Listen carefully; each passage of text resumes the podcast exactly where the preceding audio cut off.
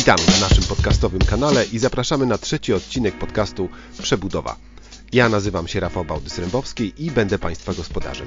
Dzisiejsze słuchowisko powstało w nawiązaniu do siódmej konferencji SIDR roszczenia związane z COVID-19 w budownictwie, strategie i sposoby dochodzenia roszczeń w rzeczywistości covidowej.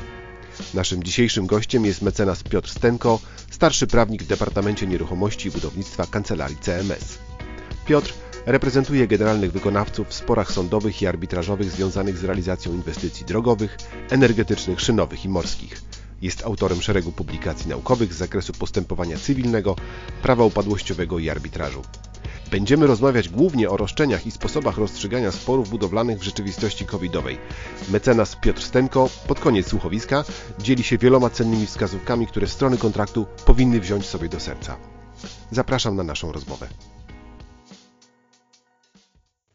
Piotrze, podczas niedawnej konferencji CDR-u przeprowadziliśmy takie badania ankietowe, konferencji, w której Ty również brałeś udział i dostaliśmy aż 250 odpowiedzi, co jest dużo. W mojej ocenie to jest taki sukces badawczy. W jednym z tych pytań zapytaliśmy o rolę prawników na budowie. Prawnicy, których na konferencji było ponad połowa uczestników, uznali, że ich rola jest odpowiednia. Ale już inżynierowie w większości uznali, że prawnicy rządzą na budowie, czyli że budowy są de facto przesycone prawnikami. Czy w Twojej ocenie współczesny kontrakt budowlany może obejść się bez prawnika na budowie? Jeżeli mówimy o systemie zamówień publicznych, to praktyka wszyscy wiemy jaka jest, czyli prawnik jest bardzo często angażowany już nie tylko w ramach postępowania przetargowego, ale również e, od razu jest delegowany na kontrakt. E, z, ostatnio, z ostatniej obserwacji, jakichś wiadomości od naszych klientów wiemy, że mają politykę często delegowania już jednej osoby na każdy, na każdy kontrakt, żeby się tym zarządzała. Jest to zrozumiałe o tyle, że pozwala minimalizować koszty późniejszego sporu i e, zapobiegać pewnym problemom, które w braku udziału prawników mogłyby się pojawić. Czy, czy zgadzam się z tezą, że kontrakty są zarządzane przez prawników? No to jest pe pewna przesada, chociaż rozumiem, do czego, jak zakładam, inżynierowie, którzy odpowiadali na to pytanie, e, zmierzają. I rzeczywiście, tak jak obserwuję to od czasu, kiedy sam jestem zaangażowany w branży, czyli od jakiegoś 2010, widzę zwiększające się zaangażowanie prawników. Przy czym to wynika też z tego, że co najmniej w realiach zamówień publicznych kultura ugodowego rozwiązywania problemów praktycznie nie istnieje. Teraz widzimy pewne trendy, e, jeżeli chodzi o e, rynek zamówień publicznych, e, pewien, nacisk na mediację i przede wszystkim czy nawet nie tylko nacisk, ale gotowość e, strony publicznej do negocjowania potencjalnych ugód. Wszyscy wiemy, jak sytuacja na rynku wyglądała kilka lat temu e, i polityka to nas pozwijcie, to sąd wam przyzna, przyzna rację, doprowadziła, właśnie ta polityka doprowadziła moim zdaniem, że co najmniej od strony wykonawców było zwiększone e, zapotrzebowanie na e, prawników. Przy czym to też jest tak, że zmienia się zakres zaangażowania, co najmniej z perspektywy doradcy zewnętrznego. Firmy budowlane się profesjonalizują i powiem szczerze, jakby to, co kiedyś było delegowane do kancelarii, jest od dłuższego czasu obsługiwane przez roszczeniowców na kontraktach. Więc ten zakres zaangażowania prawników się zmienia. Hmm, oczywiście zarządzanie roszczeniami dalej w jakimś zakresie jest powierzane kancelariom, ale raczej jednak e, tą podstawową pracę wykonują roszczeniowcy na kontraktach. Nie posunąłbym się szczerze mówiąc do tego, żeby twierdzić, że E, prawnicy zarządzają budowami, no chyba, że mamy kadrę menedżerską, która akurat ma takie wykształcenie, bo e, z takimi sytuacjami też miałem do czynienia.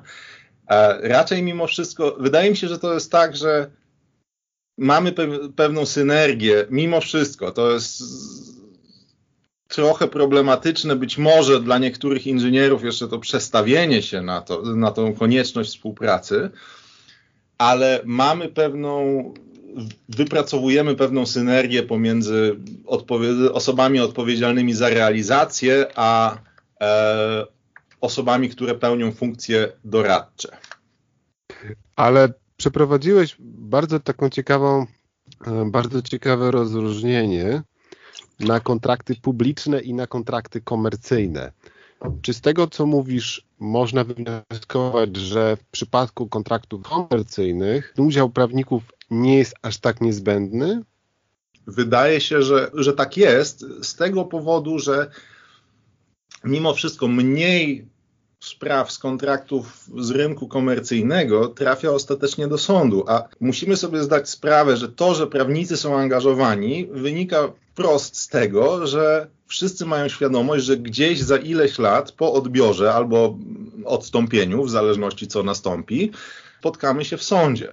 I oczywiście jakby zdarzają się kontrakty, które są rozliczane i realizowane tak, że wszyscy są zadowoleni, ale wszyscy mamy świadomość jakby tych nagłówków, które czy to w okolicach euro, po euro, czy jeszcze, czy niedawno, nie wiem, z 2-3 lata temu były w prasie tsunami sporów budowlanych i inne tego rodzaju tak. e, tytuły były dosyć powszechnie przywoływane na określenie tego zjawiska.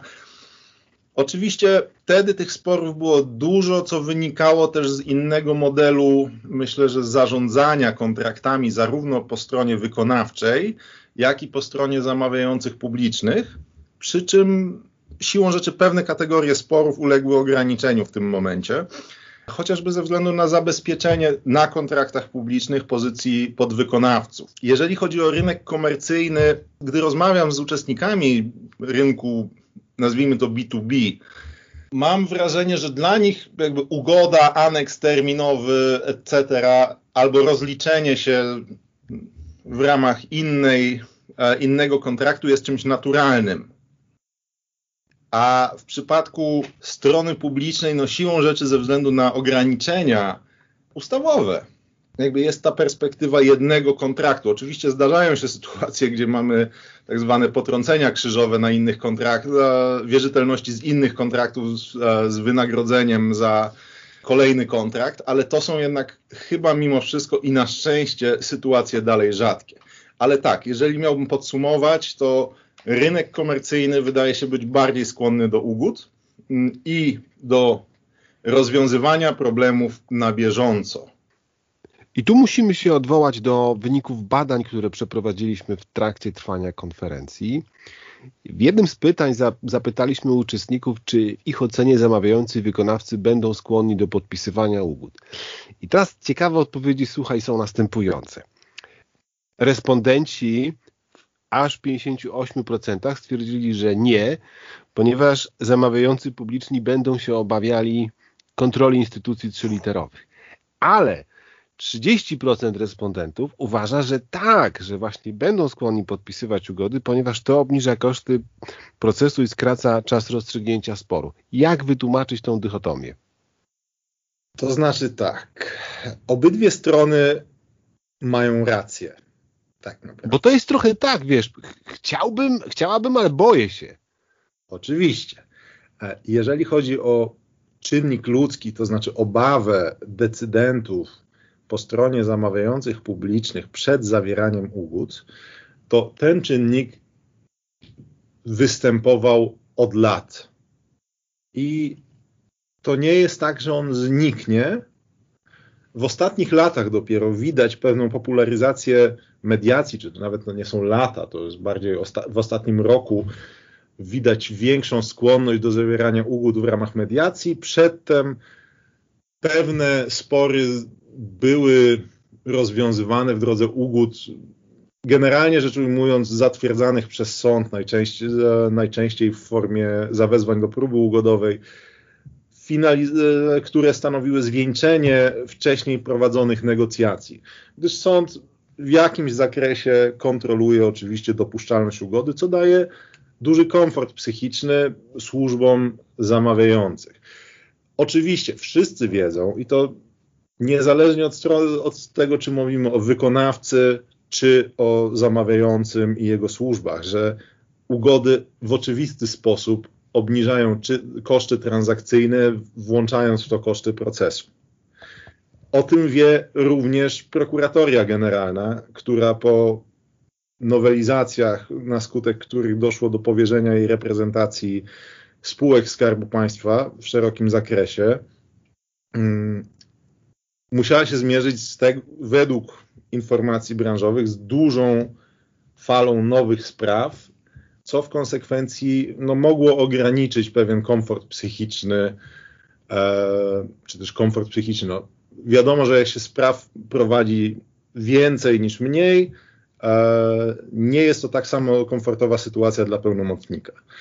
I oczywiście, wydaje się, że dal, dalej będzie to ograniczenie psychi natury psychicznej a, i to wz, wzbranianie się przed zawieraniem ugód, ale ono z biegiem czasu będzie coraz mniejsze. Już teraz widać znaczącą popularyzację i to ta popularyzacja e, następuje nie tylko już w stosunku do kontraktów zakończonych w jakiś sposób, ale coraz częściej mediacja jest wykorzystywana w toku realizacji kontraktu.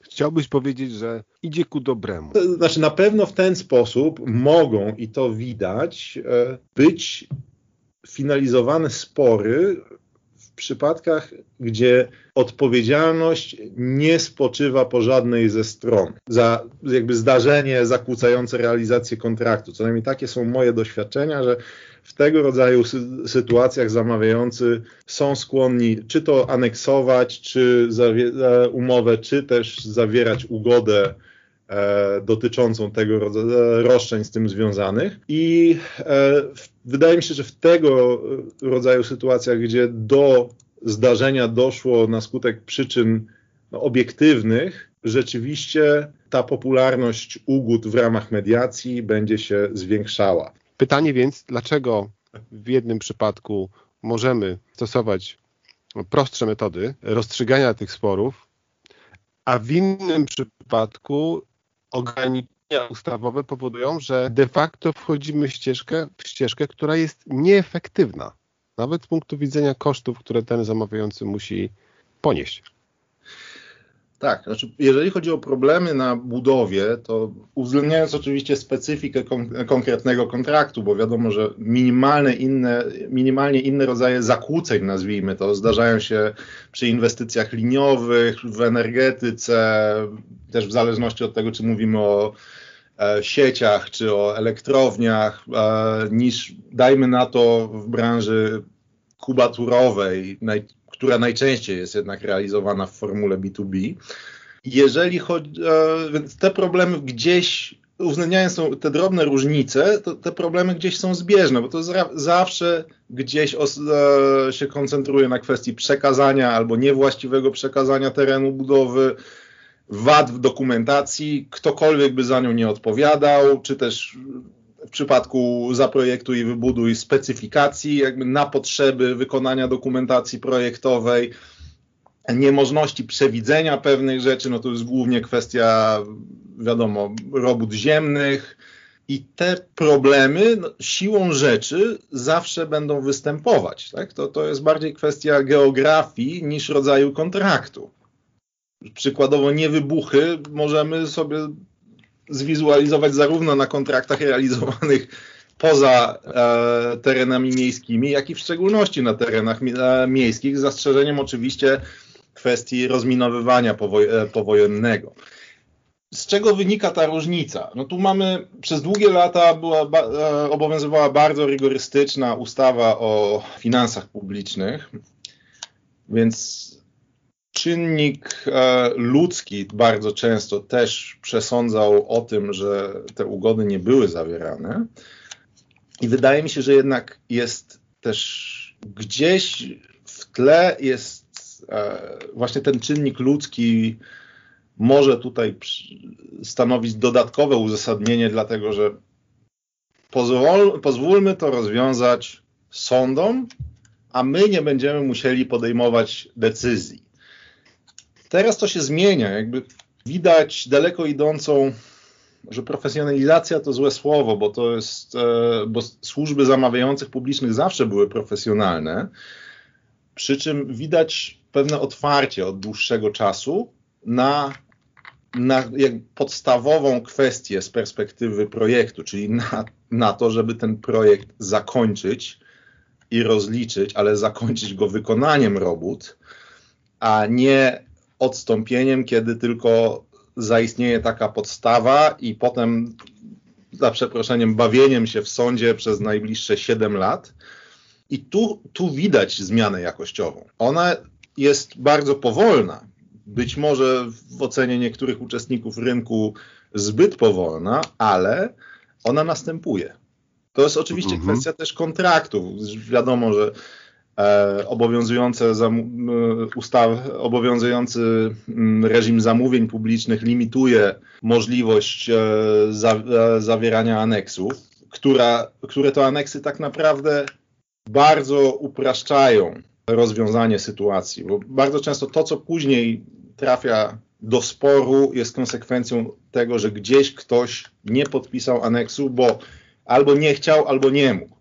W rynku B2B oczywiście te spory są, ale one są nawet mniejszego wolumenu. Procentowo mówię oczywiście w tym momencie, bo wiadomo, że kontrakty publiczne mają to do siebie, że poziom wynagrodzenia jest znacznie wyższy, ale procentowo w stosunku do, do wartości kontraktu wydaje się, że te spory na tle e, rynku B2B są mniejsze i też rzadsze przede wszystkim. Gdybyśmy mogli przez chwilę się skupić na, na Twojej ocenie kosztów rozstrzygania tych sporów. Ja stawiam tezę, znaczy nie tylko ja stawiam tę tezę, to jest teza naszych organizacji, to jest teza inżynierów za, mhm. zawodowo zajmujących się prowadzeniem procesów inwestycyjnych, że kosztem dodatkowym dla inwestora jest ciągnięcie sporów przez sąd. Każdy wykonawca ma problem, żeby dzisiaj powiedzieć, jakie były faktycznie wyniki finansowe na poszczególnych kontraktach. Jeżeli on może zamknąć bilans takiego kontraktu, tak naprawdę 7 lat po zakończeniu, po zakończeniu robót de facto, prawda? Nie wiem, jak to od kuchni wygląda, jak sobie firmy budowlane z tym radzą, że enumeratywne sprawdzenie opłacalności poszczególnych kontraktów tak naprawdę jest możliwe często nawet po upływie okresu gwarancyjnego. Pytanie jest następujące, tak? Czy, czy właśnie usprawnienie tego procesu nie spowodowałoby, że te kontrakty stałyby się zwyczajnie bardziej opłacalne. Innymi słowy, koszty transakcyjne są dużo wyższe w przypadku ciągnięcia takiego sporu przez sąd. Jak uważasz? Czy tak jest? Poza partykularnym prawniczym interesem związanym z e, kosztami obsługi takiego sporu, to oczywiście, że szybkie rozwiązanie sporu pozasądowe pozwala na zmniejszenie ekspozycji stron na ryzyko i też związanych z tym kosztów. To, o czym powiedziałeś, 7 lat. Ja się cieszę, że to się przebija do tej świadomości, bo jeszcze kiedyś wszyscy mówili, o 3, 4, może 5 lat, 7, potem jeszcze potencjalnie Sąd Najwyższy. Przy, du przy dużych sporach to rzeczywiście możemy przyjmować ten standard 6-7 lat. Oczywiście z perspektywy zamawiających, jeżeli mówimy o roszczeniach wykonawców, to mamy ekspozycję na e, odsetki. Jeżeli chodzi o koszty obsługi prawnej, to raczej one nie są e, znaczne, w tym sensie, że strony publiczne jednak mają zapewnione doradztwo, strona publiczna ma zapewnione doradztwo ze strony prokuratorii. Chociaż czasem też widoczne jest e, angażowanie e, kancelarii prywatnych, te koszty nie są możliwe do przewidzenia. Oczywiście można koszt obsługi prawnej limitować, ale gdzieś jest to za, zawsze to ryzyko, że one nam eksplodują w jakimś e, zakresie. No Oczywiście teraz... ekspozycja na odsetki to jest jedno, Mm, a z perspektywy wykonawcy, oczywiście mamy też ekspozy analogiczną ekspozycję na ryzyko i ponoszenie własnych kosztów obsługi prawnej, bo koszty jakby drugiej strony, no w przypadku wygrania e, przez nią sporu, to, to jednak są, e, mówiąc kolokwialnie, pinaty w stosunku do wartości roszczeń. ale na pewno też koszty finansowe, tak, związane z, ciąg z ciągnięciem gwarancji, etc.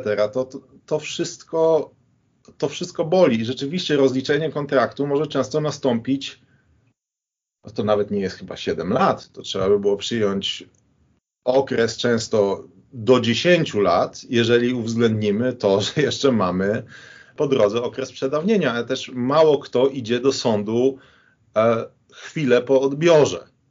W przypadku e, czyli doliczmy tego 3 lata, 3 lata i mamy do 10 lat na rozlicza, e, rozliczenie kontraktu i poznanie rzeczywistego wyniku finansowego.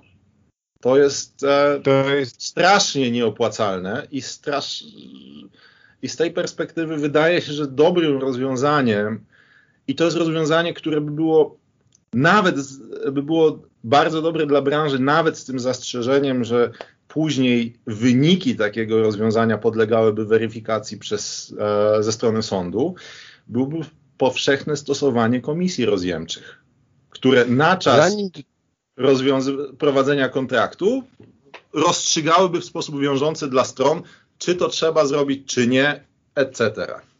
Tutaj dochodzimy do do takiego węzłowego wątku, można odnieść wrażenie, że prawnikom może nie zależeć na usprawnieniu tego procesu, bowiem na przestrzeni lat, 10, być może 15, wyrosły kolejne pokolenia prawników, które się wyspecjalizowały na prowadzeniu tego typu spraw, które są, przypuszczam, jakimś pokaźnym źródłem przychodu dla tych kancelarii.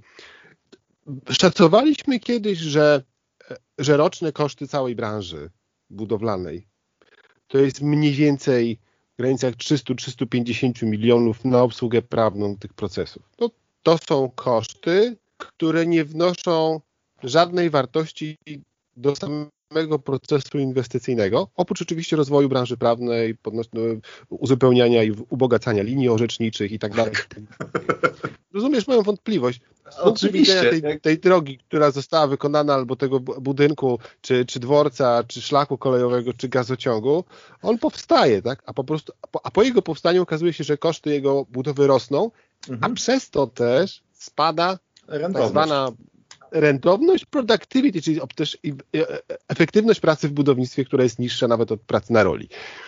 W związku z tym chciałbym, żebyś odniósł się, odniósł się do tego, czy, czy tutaj branża prawna blokuje rozsądne próby zmiany tego stanu rzeczy, bo jest jej to na rękę, czy, yy, czy też są inne obiektywne czynniki, które powodują, że idzie to jak, tak powiem, przysłowiowa krew z nosa. No bo te 10 mhm. lat, o których wspomniałeś, no to żadną miarą nie da się powiedzieć, że to jest, że, że to jest ok. Nie jest. Wydaje mi się, że tak. Wydaje, wydaje mi się, że odpowiadając na, pytań, na to pytanie, trzeba sobie trochę podzielić branżę prawną na ten sektor obsługujący wykonawców i zamawiających. Oczywiście przez te naście lat ostatnich wykształciły się podmioty, które się specjalizują w rozstrzyganiu sporów, znaczy w doradztwie związanym z rozstrzyganiem sporów, z realizacją inwestycji, albo co najmniej mówią, że się w tym specjalizują. Z mojej perspektywy, ja wolę doradzić zawsze drogę kompromisową, bo mimo wszystko, jakby do sporu, jak ma, jeżeli do sporu ma dojść, to, do, to oczywiście dojdzie i tu nic nie poradzimy, ale generalnie ugoda czy rozwiązanie kompromisowe, w ogóle szeroko to ujmując, jest rozwiązaniem komercyjnie lepszym. Czy to z perspektywy realizacji, czy zamknięcia kontraktu z jakimś wynikiem finansowym pozytywnym. Jeżeli chodzi o działania branży, powiem szczerze, wydaje się, że jeżeli chodzi o metodę, roz, metody rozstrzygania sporów, branża prowadziła jakby pewne, ale to szeroko mówię, rozumiana branża, branża budowlana wraz z branżą prawną, jakby związaną z branżą budowlaną, prowadziła pewne rozmowy co do popularyzacji tak zwanych ADR-ów, arbitrażu, etc. Czy prawnicy czy prawnikom rzeczywiście za, zależy na tym, żeby tych sporów było jak najwięcej? Znaczy, oczywiście jest, są to spory ciekawe, więc e, tak czysto intelektualnie zawsze, e, zawsze jest, e, jest, to cie, jest to o tyle ciekawe, że można się czymś interesującym zająć, ale szczerze mówiąc, to nie jest tak, że co najmniej z mojej perspektywy i z perspektywy moich znajomych, że my bardzo chcemy reprezentować naszych mocodawców w sporach, które nie mają, nie mają żadnego sensu. Tak? Mm-hmm. I wydaje się, że z tej perspektywy nie ma jakiegoś dużego nacisku, jeżeli w ogóle, żeby tutaj uruchamiać, czy też upraszczać zaistnienie sporu i niwelować szanse na e, jego powstanie. Mm, w tym sensie nie wydaje mi się, żeby tu było tu, e, tu było jakieś lobby prawników, którym bardzo zależy na tym, żeby strony się sądziły. To jest, wydaje się, raczej konsekwencja e, pewnych zachowań wynikających z e, kwestii normatywnych. Czasem tutaj, jak wszędzie w biznesie, wchodzą jeszcze kwestie personalne, że ktoś kogoś nie lubi i w związku z tym zepsujemy wynik na kontrakcie, mm, bo takie sytuacje też e, miały miejsce, ale nie, nie wydaje się, że nie wydaje mi się, żeby tutaj branża jakoś bardzo dążyła do tego, żeby utrudnić e, rozstrzyganie sporów w sposób szybki. Ja stawiam taką tezę, że e, nie wiem, czy się ze mną zgodzi. Mhm. Gdyby udało się szerzej je wykorzystywać, to prawnicy i tak mieliby bardzo dużo pracy. I tak, i tak. Mało tego, wy, wydaje mi się też, że właśnie wtedy można by wykorzystać w pełni potencjał tych zasobów, ponieważ efekty finansowe i wyniki finansowe tego typu działań są nieporównywalnie wyższe. Tak, tak zwane sprawdzam, które teraz następuje po wspomnianych siedmiu latach mniej więcej, jeżeli chodzi, sprawdzam, sprawdzenie jakości doradztwa, tak, czy też efektów doradztwa, następowałoby szybciej, więc to też byłoby widoczne jakby z perspektywy oceny, czy, bra, czy cał, całość branży jest rzeczywiście w pełni profesjonalna, ale tak, wydaje się, że te, tej pracy byłoby tyle samo. Zresztą, jeżeli są duże tematy, e, duże projekty robione na rynku B2B, my to nie jest tak, że tego doradztwa związanego z tym razem głównie zapobieżeniem mhm. E, sporowi jest znacząco mniej. To jest po prostu inny rodzaj doradztwa, gdzie, gdzie w przeciwieństwie do rynku publicznego prawnik nie jest angażowany po to, żeby czytać dokumenty pod tym kątem, co kto z tego wyinterpretuje za 6 lat, i co będzie można pokazać świadkowi, tylko jak zrobić, jak to ładnie mówią Anglicy, commercially sensitive e, rozwiązanie. Mhm. Więc tu, tu, tu, tu zgadzam się z tą tezą, że jakby popularyzacja nie wpłynie negatywnie na ilość pracy, a szczerze mówiąc, wydaje się, że może zapobiec no często naprawdę, przepraszam bardzo za określenie, ale głupim sporom. Bo część sporów wynika z jakichś dziwnych nieporozumień, które później eskalują przez miesiące i lata, a potem, i potem się okazuje, że w sporze, który był do, do rozwiązania przykładowo dwa lata wcześniej, no, przy trochę bardziej e, otwartym podejściu do, do sposobu jego rozwiązania, gdzie na przykład właśnie często przydaje się mediacja. Później lądujemy w sądzie i szczerze mówiąc, to, to nie jest tak też, że sędziowie są zachwyceni z tego, że trafia się, trafia się im kolejna sprawa budowlana. Zresztą kiedyś od jednego z sędziów sądu e, okręgowego w Warszawie usłyszałem, jakby nie kierowane do mnie, tylko do mm, przeciw, przeciwników reprezentujących stronę publiczną, że dyscyplina finansów publicznych to wymaga też uwzględnienia całokształtu kosztów, czyli również odsetek, które w razie czego będą zasądzone od podmiotu, podmiotu publicznego. Więc wydaje się, że jakby wrzucenie tego, co jest możliwe na ścieżkę pozasądową, czy nazwiemy to ADR-em, czy szerzej będziemy stosować komisję rozjemczą, my potrzebujemy przy realizacji dużych kontraktów jakiegoś sposobu szybkiego, nawet niech to będzie tymczasowe, tymczasowe ale jednak szybkiego rozwiązania kwestii spornych.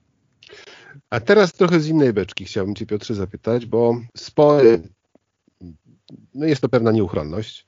Tak. E, nie wiem, czy się zgodzisz z tym, że w zasadzie prawdopodobieństwo wystąpienia sporu wynosi jeden po prostu, tak, na kontrakcie budowlanym średniej no. i, i dużej czy wielkiej skali musiałbyś mi powiedzieć, że spotkałeś się z projektem powyżej 50 milionów złotych, który e, zakończył się bez claimu, tak? No, nie znasz takiego. Ja takiego nie znaczy, znam. Mogło się zakończyć w relacji, na którymś poziomie bez claimu, czyli na przykład generalny podwykonawcy albo ale gdzieś, albo generalny inwestor, ale zawsze mhm. gdzieś jakiś tam claim wystąpił.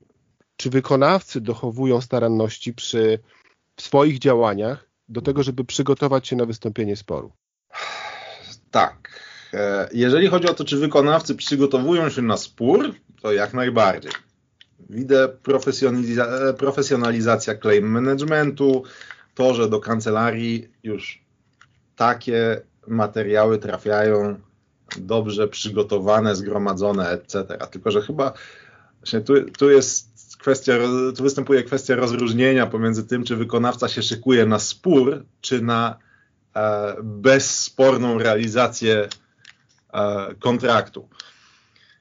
I w tym zakresie tu chyba będzie to sporo zależało od konkretnego wykonawcy. Zało założenie na pewno jest takie, że co najmniej w oparciu o moją współpracę z podmiotami, które ja reprezentowałem, którym doradzałem, założenie jest takie, żeby ten kontrakt zrobić bez sporu, ale wszyscy mają z tyłu głowy, że no, najprawdopodobniej ten spór gdzieś powstanie. Tak?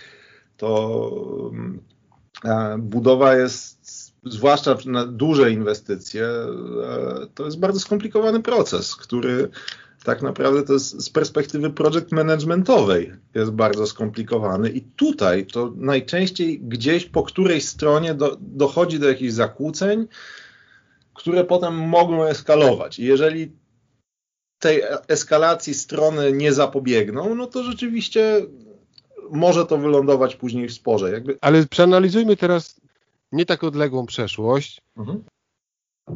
Apetyt na ryzyko firm budowlanych 2015, 2016, 2014, nawet 2014, 2015 mhm. spowodował, że firmy miały wypełnione portfele zleceń zamówieniami głównie publicznymi oczywiście, ale nie tylko oczywiście, ale pamiętajmy, że ponad połowa tego rynku to są zamówienia mhm. e, publiczne. E, I i przychodzi rok 2017, kiedy zaczynają dramatycznie, czy też drastycznie rosnąć ceny materiałów, usług mhm. podwykonawczych i tak dalej. I cała branża powoli zaczyna głośniej, coraz głośniej mówić o, o tak zwanej nadzwyczajnej zmianie stosunku. A zamawiający e... powiedzieli, że tam, gdzie to jest przewidziane w kontraktach, to nie ma problemu, a tam, gdzie nie, czyli tak zwane kontrakty stare, no to niestety PZP tak, wyklucza tak, tego rodzaju tak, e, tak. zmiany. Tak, ale powiedz mi z, z Twojego doświadczenia, czy, czy udowodnienie takiej nadzwyczajnej zmiany stosunków to jakaś standardowa procedura i, i to jest łatwo udowodnić? W ogóle myślę, że trzeba przejść przez temat, temat roszczeń w budownictwie, nie tylko w, w kontekście naszej, naszej konferencji CDO-owskiej, ale e, szerzej. To, co powiedziałeś na początku śmiejąc się o rozwoju orzecznictwa. Jest niestety takie bardzo smutne zjawisko, które obserwuję, że pewne kwestie, które kiedyś w sądach nie działały, pewne roszczenia po prostu nie były uwzględniane, bo nie mieściły się w percepcji, czy też być może było tak, że e, niektórzy prawnicy nie potrafili ich, e, tych roszczeń odpowiednio przedstawić, wykazać, etc to te roszczenia po kilku latach stają się standard practice. -hmm. I orzeczenie w tych sprawach, tak? Tak, i skutkuje to oczywiście tym, że później pojawiają się orzeczenia. Nie wiem, przykładowo problemem branży wykonawczej było wykreślanie B, e, lit, e, litery B. Z, Słynne wykreślanie litery B. Tak, tak koszto, kosztów na kontraktach realizowanych w, w oparciu o warunki FIDIC. No i część wykonawców jakby szła w tym kierunku, że to jak najbardziej, że to nie wyklucza dochodzenia odszkodowań i potem Sąd Najwyższy w konsekwencji, ale już nie wiem, chyba w 2018 roku orzekł, że no, nie do końca to wyklucza, tylko należy badać, jak strony rozumiały to wykreślenie B, czytaj, jak, jak rozumie to wykonawca, etc. Mamy, ten, mamy problem opóźnienia pomiędzy powstaniem roszczenia a jego rozstrzygnięciem, który jest o tyle bolesny dla branży, że podmioty, które nie mogą sobie pozwolić na długoletnie finansowanie sporu sądowego, często gdzieś po drodze odpuszczają. Ewentualnie przegrywają te roszczenia i rezygnują z prób wzruszenia wyroków, etc. Jeżeli chodzi o nadzwyczajną zmianę stosunków, oczywiście tego rodzaju roszczenia były i są. Z mojej perspektywy dawno temu wyglądało to trochę tak, że rebus sixtantibus, jak to się ładnie nazywa roszczenie wywodzone w oparciu o rebus sixtantibus, to było takie trochę właśnie sprzedawanie marzeń, ale to mówimy o sytuacji początkowej, potem była zwyżka asfaltów, no jest to znane orzeczenie dotyczące kwestii, um, kwestii wzrostu cen asfaltów. To się powoli zmienia, jakby podejście sądów do tego rodzaju roszczeń. Czy globalnie da się stwierdzić wzrost cen? Szczerze mówiąc, wzrost cen, czy też zjawisko nadzwyczajnej zmiany stosunków dla danej branży. Oczywiście są pewne mechanizmy pozwalające na, na uwzględnienie wiedzy powszechnej, ale tak naprawdę to, czy przesłanki jakby zaistniały, zawsze będzie oceniane w odniesieniu do tego konkretnego kontraktu i tego, e, w jaki sposób ten konkretny no, wykonawca najczęściej kalkulował swoją ofertę, jak kalkulowali swoje oferty pozostali oferenci uczestniczący w przetargu, etc. To jest kwestia przewidywalności ryzyka, jego skutków i, i tak dalej. Nie da się, oczywiście mechanizmy są rynkowo wspólne, ale to, jak one się przekładają na dany kontrakt, to jest już coś, co należy badać indywidualnie i z tego z tej przyczyny nie da się jakby tak wprost powiedzieć, tak, wszystkie kontrakty podlegają waloryzacji, chociaż tak naprawdę zjawisko jest tożsame. To, to, tylko, że nigdy sądy do tego nie podejdą. Nigdy nie będzie tak, że, so, że polski sąd podejdzie do tego, ok, to nastąpiło, oczywiście nastąpiła zmiana, nadzwyczajna zmiana stosunków, w konsekwencji wynagrodzenie podlega waloryzacji. Tak nigdy nie będzie. Być może kiedyś, jeżeli by doszło do wprowadzenia, nazwijmy to sądów specjalnych, mm, jakby wydziałów e, zajmujących się wyłącznie sporami budowlanymi, to być może po jakimś czasie doszłoby do tak daleko posuniętego rozwoju know-how co do warunków w branży, że e, sądy by obniżyły standard dowodu wymaganego do wykazania samego zjawiska, ale to dalej nie będzie, to nigdy nie będzie automat. Pytanie moje związane oczywiście z e, dużo większym problemem całej branży. Ono w pewien sposób się łączy e, z tym, co się wydarzyło w zeszłym roku. Przychodzi rok 2020 mhm. i na wszystkie istniejące już problemy nakłada się jeszcze COVID. To jest dopiero nadzwyczajna zmiana stosunków. I Pytanie jest w takim razie, czy w przypadku roszczeń covidowych również będziemy mieli do czynienia z, z tego typu traktowaniem tych spraw. Czyli, że, czyli, że u, u każdego z wykonawców będziemy badali wpływ covid na jego sytuację na danym kontrakcie, czy też będziemy stwierdzać zaistnienie covid jako takiego? Zaistnienie COVID-u jako takiego na pewno będzie, tu, tu nie będzie dyskusji. Dyskusja, cała dyskusja będzie się koncentrowała na wpływie pandemii i to rozumianej zarówno jako nazwijmy to jednost, występowanie określonej jednostki chorobowej, jak i skutków regulacyjnych w postaci określonych obostrzeń, etc., na konkretnie realizowany kontrakt. Jeżeli chodzi o samo wykazanie zjawiska, to na pewno będzie to prostsze, ponieważ wszyscy wiedzą, to zjawisko po części jest zjawiskiem normatywnym, w tym sensie, że wynika e, z określonych regulacji, którymi dotknięte są nie tylko podmioty z branży, ale całe społeczeństwo, więc też sędziowie. E, no ale, ale, ale, ale Piotr, przepraszam, ale czy w związku z tym ten case ze wzrostem cen asfaltu, to nie jest wiedza tajemna, to też jest powszechnie, e, powszechny który dotknął całą branżę. Tak, znaczy różni się trochę sposobem wykazania od tego, że ma, mieliśmy do czynienia z pandemią i tym, czy sędzia, który pamiętajmy, że nie mamy tak daleko posuniętej profesjonalizacji sądów, żeby sprawy, że już teraz, teraz to powoli będzie na, następowało, ale jeszcze przez długie, długie, przez długie lata spory budowlane trafiały i do sądów cywilnych, i do sądów gospodarczych. Sądy nie musiały wiedzieć, że nastąpiła zwyżka cen asfaltów ale o tym, że widzę, że to wzór... nie. Podno... no, no oczywiście, że so...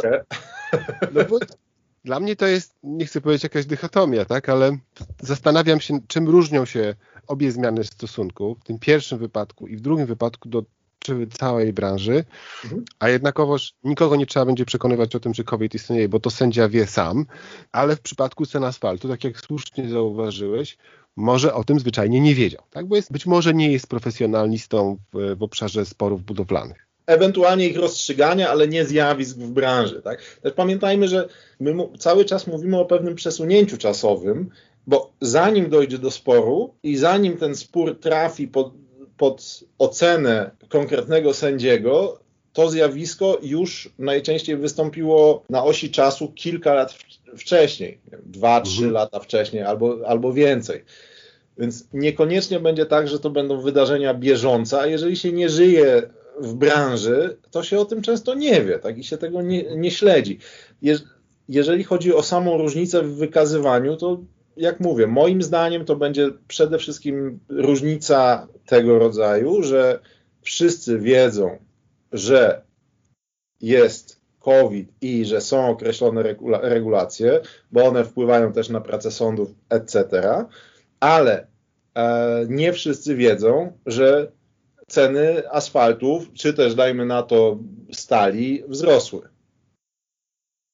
Bo to nie jest wiedza, która jest jakby powszechnie dostępna e, dla sędziego. Tutaj różni się to tym, że no trzeba będzie po prostu tego rodzaju okoliczności jakby mniej powszechnie znane, mm, trzeba wykazywać na, za pomocą biegłego względnie innych, a raczej stopień, zjawisko i stopień e, tego wzrostu trzeba wykazywać za pomocą dowodu z opinii biegłego, instytutów bada, naukowo-badawczych i tak. Kolejny czas i kolejne koszty. Tak, tak, no. tak. Chciałbym, żebyśmy dotknęli jeszcze jednego wątku, o którym rozmawialiśmy, został poruszony na konferencji, mhm. a dotyczy też do tego, co wyszło nam w badaniach. To wszyscy zgodnie stwierdzili, że o wiele trudniejsza będzie realizacja tych kontraktów, na które oferty zostały złożone już z chwilą, kiedy COVID już był. Czyli wykonawcy składając ofertę wiedzieli, że składają ofertę w rzeczywistości covidowej. Tak. To jest kwestia na kontraktach budowlanych, co najmniej z perspektywy późniejszych rozstrzygnięć sądowych, bardzo często to jest kwestia przewidywalności określonych zjawisk. Nie, nie, tylko w kontekście nadzwyczajnej zmiany stosunków, ale też w kontekście chociażby roszczeń z bezpodstawnego wzbogacenia, konieczności wykonania określonych zakresów robót, ich czasem ilości, w, za, w zależności od kontraktu, PFU i tak dalej.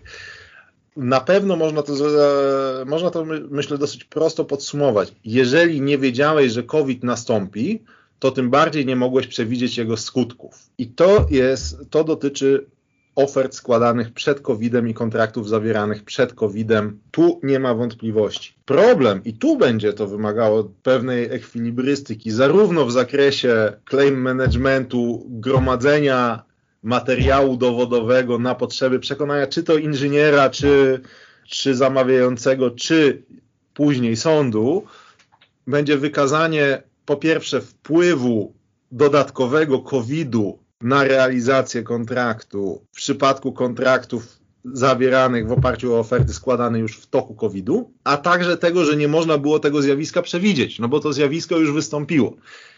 Tu oczywiście podejrzewam, że zarówno ja, jak i koledzy z branży będziemy wskazywać, że no być może zjawisko samo dało się przewidzieć, ale na przykład ulegały zmianom ograniczenia, e, ograniczenia w prowadzeniu działalności, czy też inne w przemieszczaniu się e, personelu i tak dalej.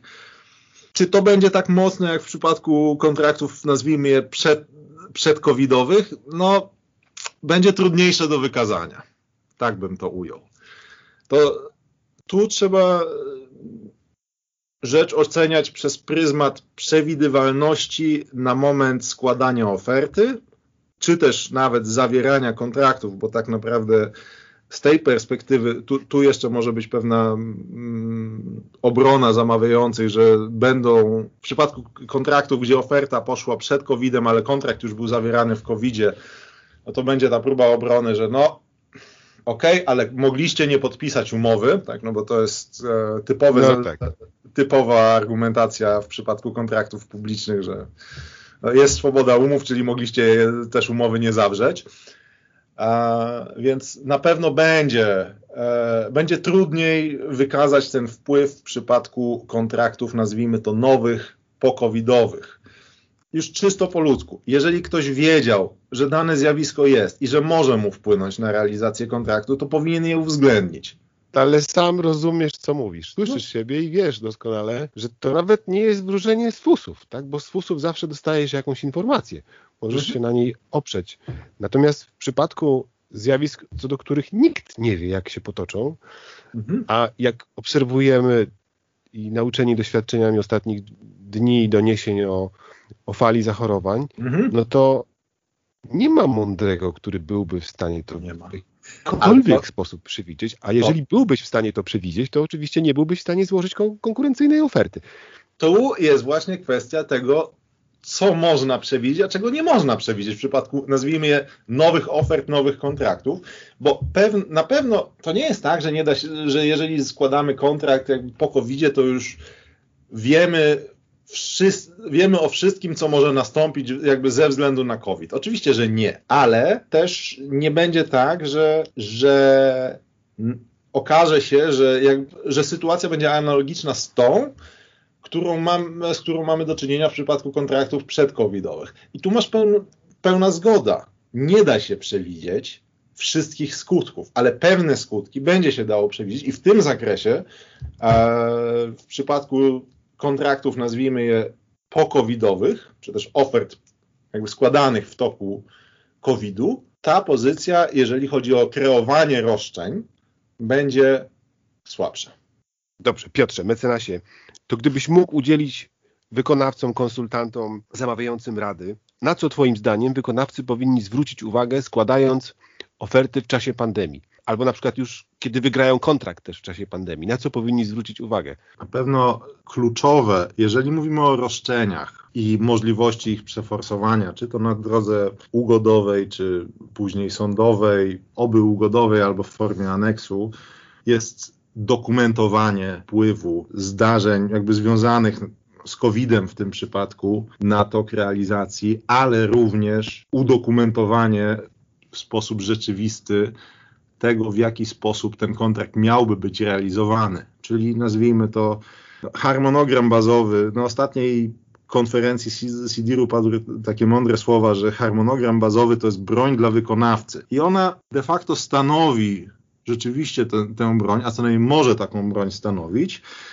Nie jest to tylko broń dla wykonawcy, bo oczywiście zamawiający też może z tego, e, z tego korzystać, ale generalnie w szczególności w przypadku kontraktów zawieranych już w toku szalejącej pandemii, e, każde odstępstwo powinno być dobrze udokumentowane i powinniśmy o tym też powiadamiać drugą stronę. E, takie typowe niepisanie zamawiającemu o problemach to jest bardzo zła praktyka po stronie wykonawców, bo.